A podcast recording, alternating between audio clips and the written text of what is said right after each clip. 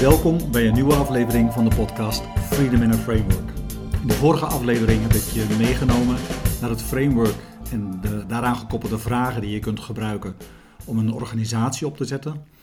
Nu ga ik je veel meer meenemen naar de vragen en de frameworks die nodig zijn om een goed team op te bouwen. En daarbij in het bijzonder ook te kijken naar wat er nodig is om een high-performing team op te bouwen. Het is nu een aantal jaren geleden dat ik met een team aan de slag ging. En zoals wel vaker uh, heb ik in eerste instantie de leden van het team geïnterviewd om eens te kijken wat hun beelden eigenlijk zijn bij het team, bij het functioneren van het team. En aan alle leden heb ik gevraagd: wat is eigenlijk de purpose van dit team? Hoe zie je jouw eigen rol versus de rol die je in het team hebt? Hoe kijk je naar de rol die het hele team heeft als het gaat over samenwerking, als het gaat over besluitvorming, als het gaat over problemen oplossen? En het bleek door die interviews heen dat dit team echt op alle mogelijke fronten totaal andere perspectieven hierover had. En daarmee werd het voor mij duidelijk dat de grondslag voor dit team om te kunnen samenwerken nauwelijks aanwezig was. Voor mij zijn er drie factoren essentieel wil een groep van mensen een team worden. Allereerst dat ze eenzelfde idee hebben over de basisvragen die komen kijken bij het vormen van een team. En daar ga ik straks nader op in. Ten tweede dat ze eenzelfde idee hebben over de rol die het team heeft in de organisatie en daarmee de bijdrage aan het genereren van resultaten in de organisatie. En ten derde, uiteindelijk het allerbelangrijkste, dat alle teamleden doen wat is afgesproken. Als teamleden niet doen wat is afgesproken, ben je per definitie geen team. Als je een team gaat opzetten, als je met een team wilt gaan starten, dan is het nodig om met alle leden door een viertal vragen heen te gaan. De eerste vraag is: wat is eigenlijk de purpose, de doelstelling, de unieke bijdrage van dit team in de organisatie? Het lijkt een vanzelfsprekende vraag. Ik kan je verzekeren vanuit de vele teams waar ik mee gewerkt heb, dat als je het door gaat vragen bij leden van het team, dat je over het algemeen totaal verschillende gedachten en ideeën daarover krijgt. Waarom is het belangrijk? Omdat wanneer je met elkaar hetzelfde idee hebt over die bijdrage, het de grondslag is waarvanuit mensen in het dagelijks handelen ook richting vinden en richting krijgen. Ondanks dat ze niet met elkaar uh, noodzakelijk erg veel overleggen, hebben ze dan nog steeds eenzelfde beeld in welke richting ze aan het werk zijn. Het tweede element is het proces van samenwerken als team. Ook daar is het nodig eenzelfde idee over te hebben. Het gaat daarbij vooral over hoe pakken wij problemen aan, dus het probleemoplossend vermogen van ons als team. Hoe doen we dat? Zowel in de, in de onderwerpen tijdens de vergadering, maar ook tussen vergaderingen door. Volgen we daarin met elkaar inderdaad een heel stappenplan. Een stappenplan zodanig dat we op eenzelfde golflengte blijven en dat we met elkaar onze, door onze gedachteprocessen heen kunnen gaan om uiteindelijk tot besluiten te komen. En rondom besluitvorming, wat voor soort methodiek volgen we daarbij?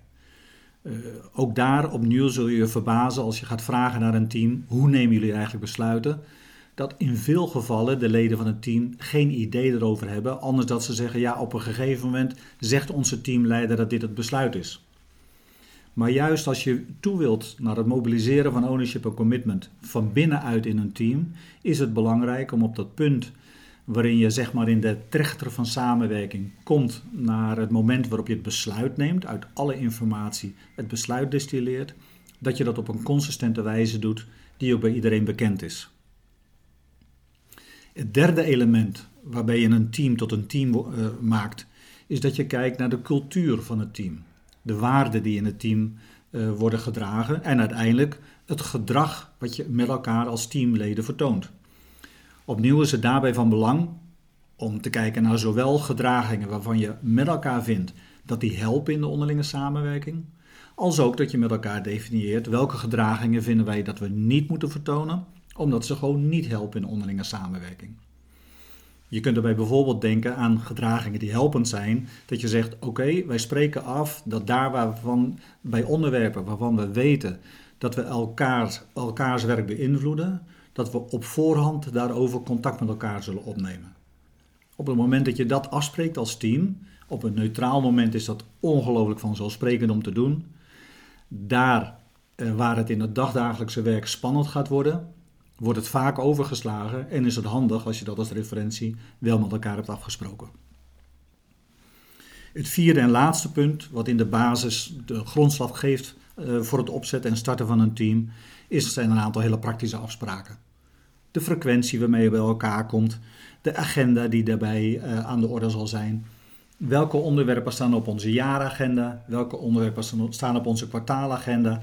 Welke onderwerpen staan op onze maandagenda? Wie is verantwoordelijk voor welke onderwerpen?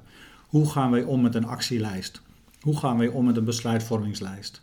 Hoe gaan wij om met onderwerpen die op de agenda komen? Geven we op voorhand aan dat ze voor informatie zijn, voor uh, discussie en, en gedachtenvorming zijn, uh, of dat ze voor besluitvorming zijn? Op het moment dat we al dat soort hele praktische, simpele dingen doen, geeft het een basis voor het functioneren van het team.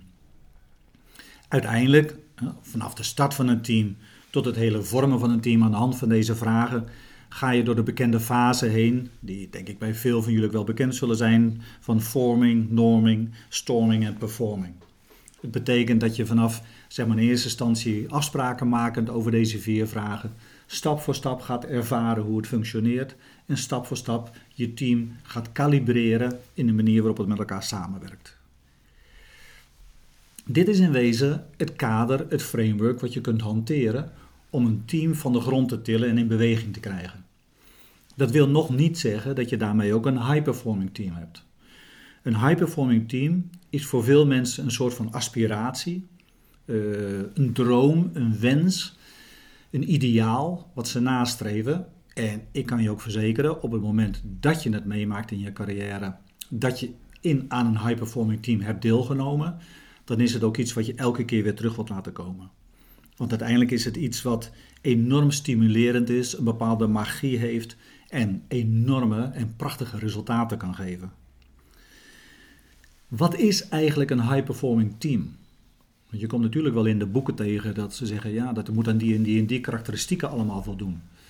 Ik geloof daar zelf eerlijk gezegd niet zo in. Uh, wat mij betreft is het zeer pragmatisch. Een high-performing team wordt een high-performing team als alle teamleden het als zodanig ervaren, als de bredere organisatie het als zodanig ervaart en als de belangrijkste stakeholders het als zodanig ervaren. En wat ervaren ze dan? Nou, ze ervaren dat van deze groep mensen die met elkaar als team samenwerkt, veel meer tot stand komt, veel meer naar buiten komt, veel meer resultaat gegenereerd wordt dan je normaal gesproken van een dergelijk team ervaart of zou kunnen of willen verwachten. Het betekent dat dit team echt in staat is om van 1 plus 1 veel meer dan 3 te maken.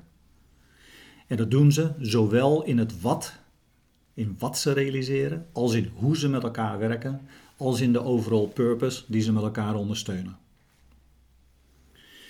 De vraag is nou, hoe kun je van een team komen tot een high-performing team? Hoe ontwikkel je je daartoe? Nou, allereerst natuurlijk de basis dat je de vier eerdere vragen die ik behandeld heb, dat je die uitgebreid aan de orde stelt en in de grondslag gewoon laat functioneren.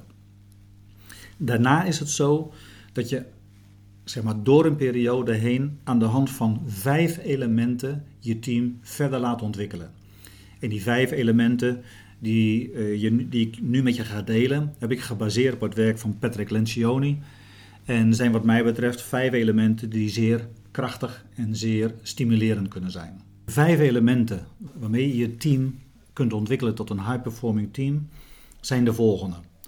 Allereerst gaat het over het bij elkaar en van elkaar ervaren van een diep vertrouwen. Vertrouwen betekent dat je op een fundamenteel cognitief en emotioneel niveau je oké voelt bij elkaar. Dat je absoluut vertrouwen hebt in de ander als professional. Dat je ook weet hoe de ander opereert en functioneert als mens. En dat je ervan op aan kunt dat wanneer jij jezelf openstelt en kwetsbaar maakt, omdat je iets nog niet weet, eh, dat het oké is. Dat het ook op een goede manier opgepakt wordt. Eh, dat niet alleen ik weet iets nog niet, of eh, ik zat fout, of ik weet het niet zeker, et cetera. Dat dat open statements zijn die je kunt maken zonder dat je erop afgerekend zal worden. Sterker nog, dat dat door anderen gezien zal worden als een teken van kracht, als een teken van verbinding, als een teken van inderdaad onderling vertrouwen wat je in elkaar hebt. Als je dat onderling vertrouwen goed ontwikkelt en goed hebt ontwikkeld, betekent het dat je daarmee een grondslag hebt gecreëerd voor het tweede element. En dat is dat je op een krachtige manier de frictie met elkaar daadwerkelijk kunt leven. De frictie die nodig is om tot vernieuwing, innovatie, verandering, verrijking te komen. Het betekent, als je dat echt krachtig kunt leven, dat je ten aanzien van elkaar het normaal vindt dat er verschillen van inzicht zijn. Ten aanzien dat je het normaal vindt, sterker nog, stimulerend vindt dat er een stevige confrontatie is. Dat je, als die confrontatie er is, daar niet voor wegstapt, maar dat je hem echt ten volle zal gaan onderzoeken, zal gaan uh, exploreren en zult gaan kijken of je echt een meerwaarde eruit kunt vinden. In een high-performing team wat zich aan het ontwikkelen is en die echt met frictie leven, zal ook, zullen ook de moeilijke onderwerpen per definitie op tafel gelegd worden. Waarom? Omdat het gezien wordt als een kans om echt verder te komen, in plaats van, wat heel vaak bij teams zo is, als een issue wat je eigenlijk moet vermijden, want dan leidt je gezichtsverlies.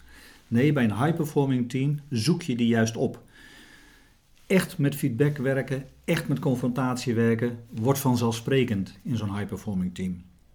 Als dat vertrouwen er is en je kunt met die frictie goed werken, dan weet je ook dat het derde element van een high-performing team naar voren gaat komen. En dat is dat iedereen echt het commitment toont. En dat commitment komt naar voren omdat je echt in die eerdere fase door de discussies en het vertrouwen wat je hebt gehad, echt het ownership en commitment hebt gebouwd. Je bent met elkaar door een fundamenteel proces van besluitvorming heen gegaan. Je hebt daarbij goed de stappen gevolgd die nodig zijn uh, om van A naar B te komen. Je hebt goed met elkaar uitgezocht wat er, wat, er, wat er aan de orde was en welke valkuilen er mogelijk zijn. Daarvanuit, omdat je dat goed met elkaar hebt doorlopen, ontstaat er een daadwerkelijk volledig diepgaand commitment voor implementatie. Vanuit vertrouwen, vanuit de frictie, vanuit de commitment voor implementatie weet je van elkaar dat iedereen het vierde element van een high performing team zal tonen. En dat is het echt tonen van je accountability. Je kunt ervan op aan dat datgene wat ik op me heb genomen, wat elk van jullie als teamleden op je hebt genomen, ook daadwerkelijk door het teamlid gedaan zal worden.